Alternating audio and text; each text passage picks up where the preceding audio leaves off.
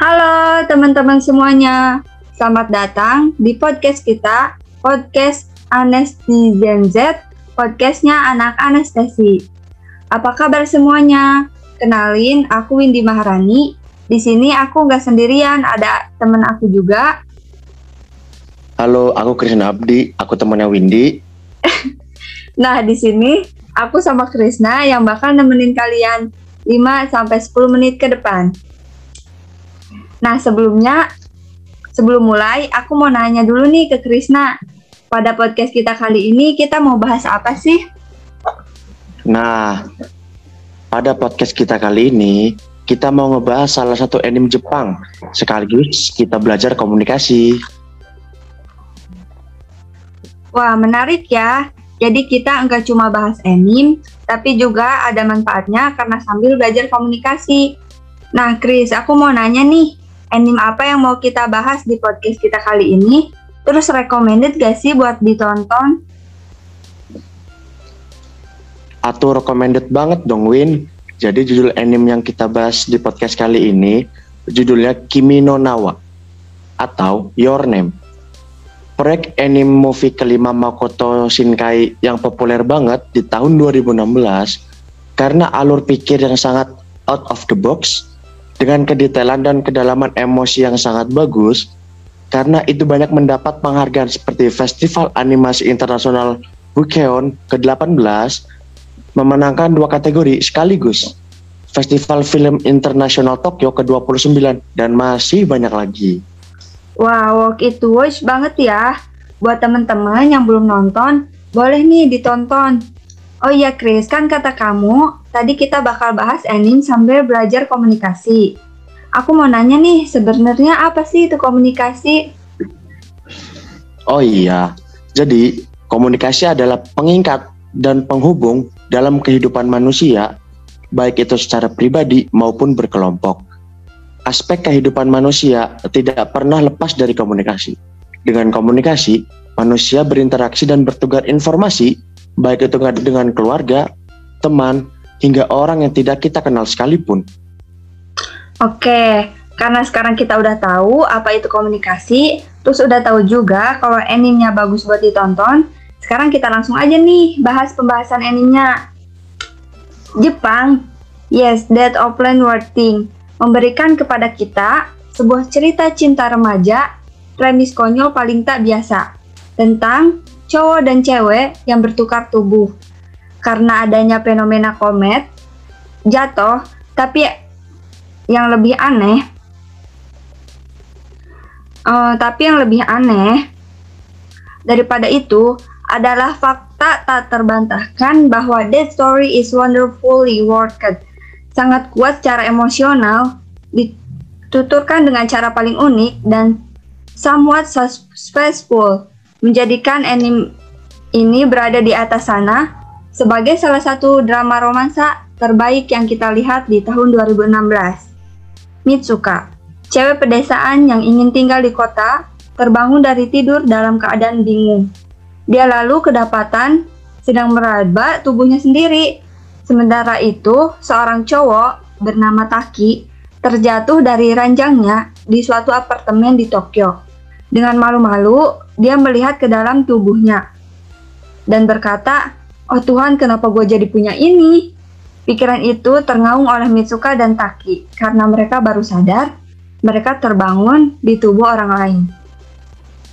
Awalnya, Mitsuka dan Taki mereka cuma sedang bermimpi, but the phenomena keep happening day after day dari reaksi se kerabat sekitar, they learned bahwa secara random, tanpa tendang aling-aling, mereka bertukar tubuh saat bangun tidur. Mereka pun bingung dan terus bertanya dalam pikiran masing-masing, kenapa bisa? Kenapa mesti mereka, padahal tidak saling kenal, padahal mereka tinggal berkilo-kilometer jauhnya. Cerita film ini adalah tentang gimana Mitsuka dan Taki yang harus mencari tahu kenapa hal ini terjadi kepada mereka will also harus figure out gimana menjalani hari sebagai orang lain. Ini bukan soal si cewek entar jadi tomboy, sedangkan yang cowok jadi feminin. It explore more melalui rangkaian montage yang sweet dan kocak. Kita akan menyaksikan apa yang tadinya kebingungan berubah menjadi kerjasama. Oh iya Chris, kan mereka bertukar tubuh tuh. Jarak tempat antara mereka juga jauh. Aku mau nanya nih, gimana cara mereka berkomunikasi? Nah, iya nih. Mereka udah sadar kalau mereka bertukar tubuh, apalagi bertukarnya juga sama lawan jenis. Otomatis mereka saling larang. Kebayang dong malunya gimana ketika orang lain tahu privasi kita. Jadi mulai hari itu mereka mulai berkomunikasi menggunakan komunikasi tertulis karena mereka tahu mereka akan bertukar tubuh kembali saat tidur. Sebelum bertukar tubuh ke tubuh masing-masing, mereka akan menuliskan apa yang mereka lakukan selama bertukar tubuh dalam dari HP atau dari buku karena mereka terpisah jarak dan waktu. Untuk saat ini hanya bisa menggunakan komunikasi tertulis. Oke Chris, kan sesuai apa yang kamu sampaikan tadi. Mereka pakai komunikasi tertulis buat saling berkomunikasi. Nah sekarang aku kepo nih, mereka bakal ketemu gak sih dan ngelakuin komunikasi verbal atau komunikasi berbicara secara langsung? Oh tentu, mereka bakal ketemu dong Win. Sekarang aku lanjut cerita dulu nih ya. Jadi mereka tuh udah terbiasa pertukaran tubuh mereka. Tapi suatu malam di desa Mitsuha ada festival dan seluruh dan seluruh warna yang ada di desa datang ke festival tersebut, termasuk Mitsuha. Dan pada malam festival itu terjadi komet yang membuat tubuh mereka bertukar jatuh kembali dan sejak saat itu Taki dan Mitsuha enggak pernah bertukar tubuh lagi. Dan Taki mulai merasa ada yang aneh.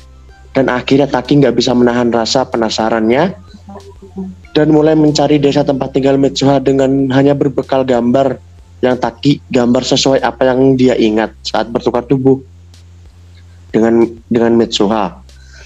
Karena Taki nggak ingat nama desa Mitsuha keesokan harinya, Taki mulai mencari desa tersebut ditemani dua temannya. Dan saat ini Temennya juga kaget karena Taki nggak tahu nama desanya dan cuma modal gambar aja. Tapi Taki nggak nyerah dan mulai menanya-nanya kepada warga desa yang ditemui untuk bertanya apakah mengetahui desa yang ada di, pada gambarnya itu. Setelah berjam-jam Taki mencari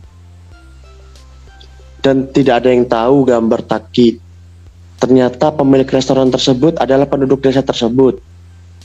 Dan akhirnya memberitahu nama desa tersebut dan di situ Taki mulai senang. Karena akhirnya mengetahui desa tempat tinggal Mitsuha, tapi nggak berselang lama dari itu Taki dibuat terkejut karena ternyata desa tempat tinggal Mitsuha sudah tidak lagi ditempati karena tiga tahun yang lalu komet jatuh di desa tersebut dan membuat semua warga meninggalkan Taki meninggal maksudnya dan Taki pun mulai sedih dan bingung. Mengetahui fakta tersebut, ternyata bukan hanya berbeda jarak, tetapi juga berbeda waktu. Karena Petsuha datang tiga tahun yang lalu karena merasa sedih dan enggak terima. Tapi tetap, tetap nekat untuk datang ke desa tersebut. Dan Taki ingat, dia pernah menaruh bir persembahan untuk dewa bersama adik dan nenek Mitsuha. Taki pun datang ke gua tersebut dan meminum bir sehingga datang ke tiga tahun yang lalu dan bertemu dengan Betsua.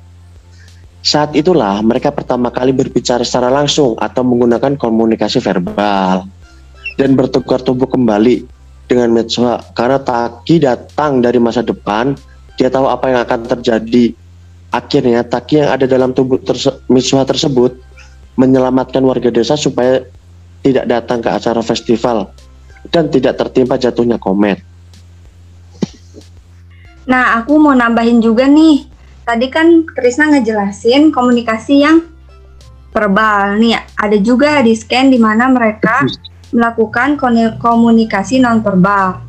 Yaitu ketika Mitsuha yang ada di dalam tubuh Taki menggantikan Taki untuk bekerja dan pada saat bekerja terjadi selisih antara pelanggan dan Mitsuka sehingga senior yang bernama Miki Okudera memberi isyarat dengan tangannya kepada Mitsuha yang ada di dalam tubuh Taki untuk pergi supaya dia yang menangani pelanggan tersebut.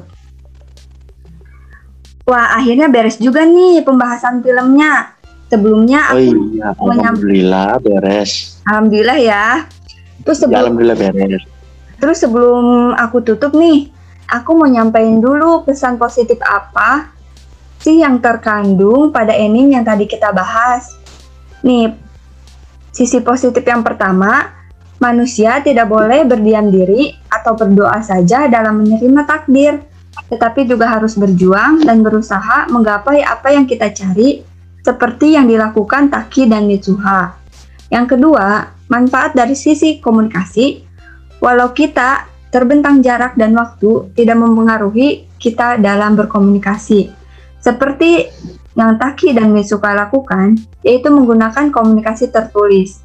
Jarak dekat maupun jauh tidak masalah, karena dengan komunikasi manusia terhubung dan selalu terdapat pesan dalam sebuah komunikasi. Oke, mungkin itu akhir pembicaraan dari podcast kita. Aku Windy Maharani. Dan aku Krishna Abdi. Kita berdua izin undur diri. Sampai jumpa Dan dalam sampai podcast jam- selanjutnya. Dadah. Bye. Terima kasih. Bye bye.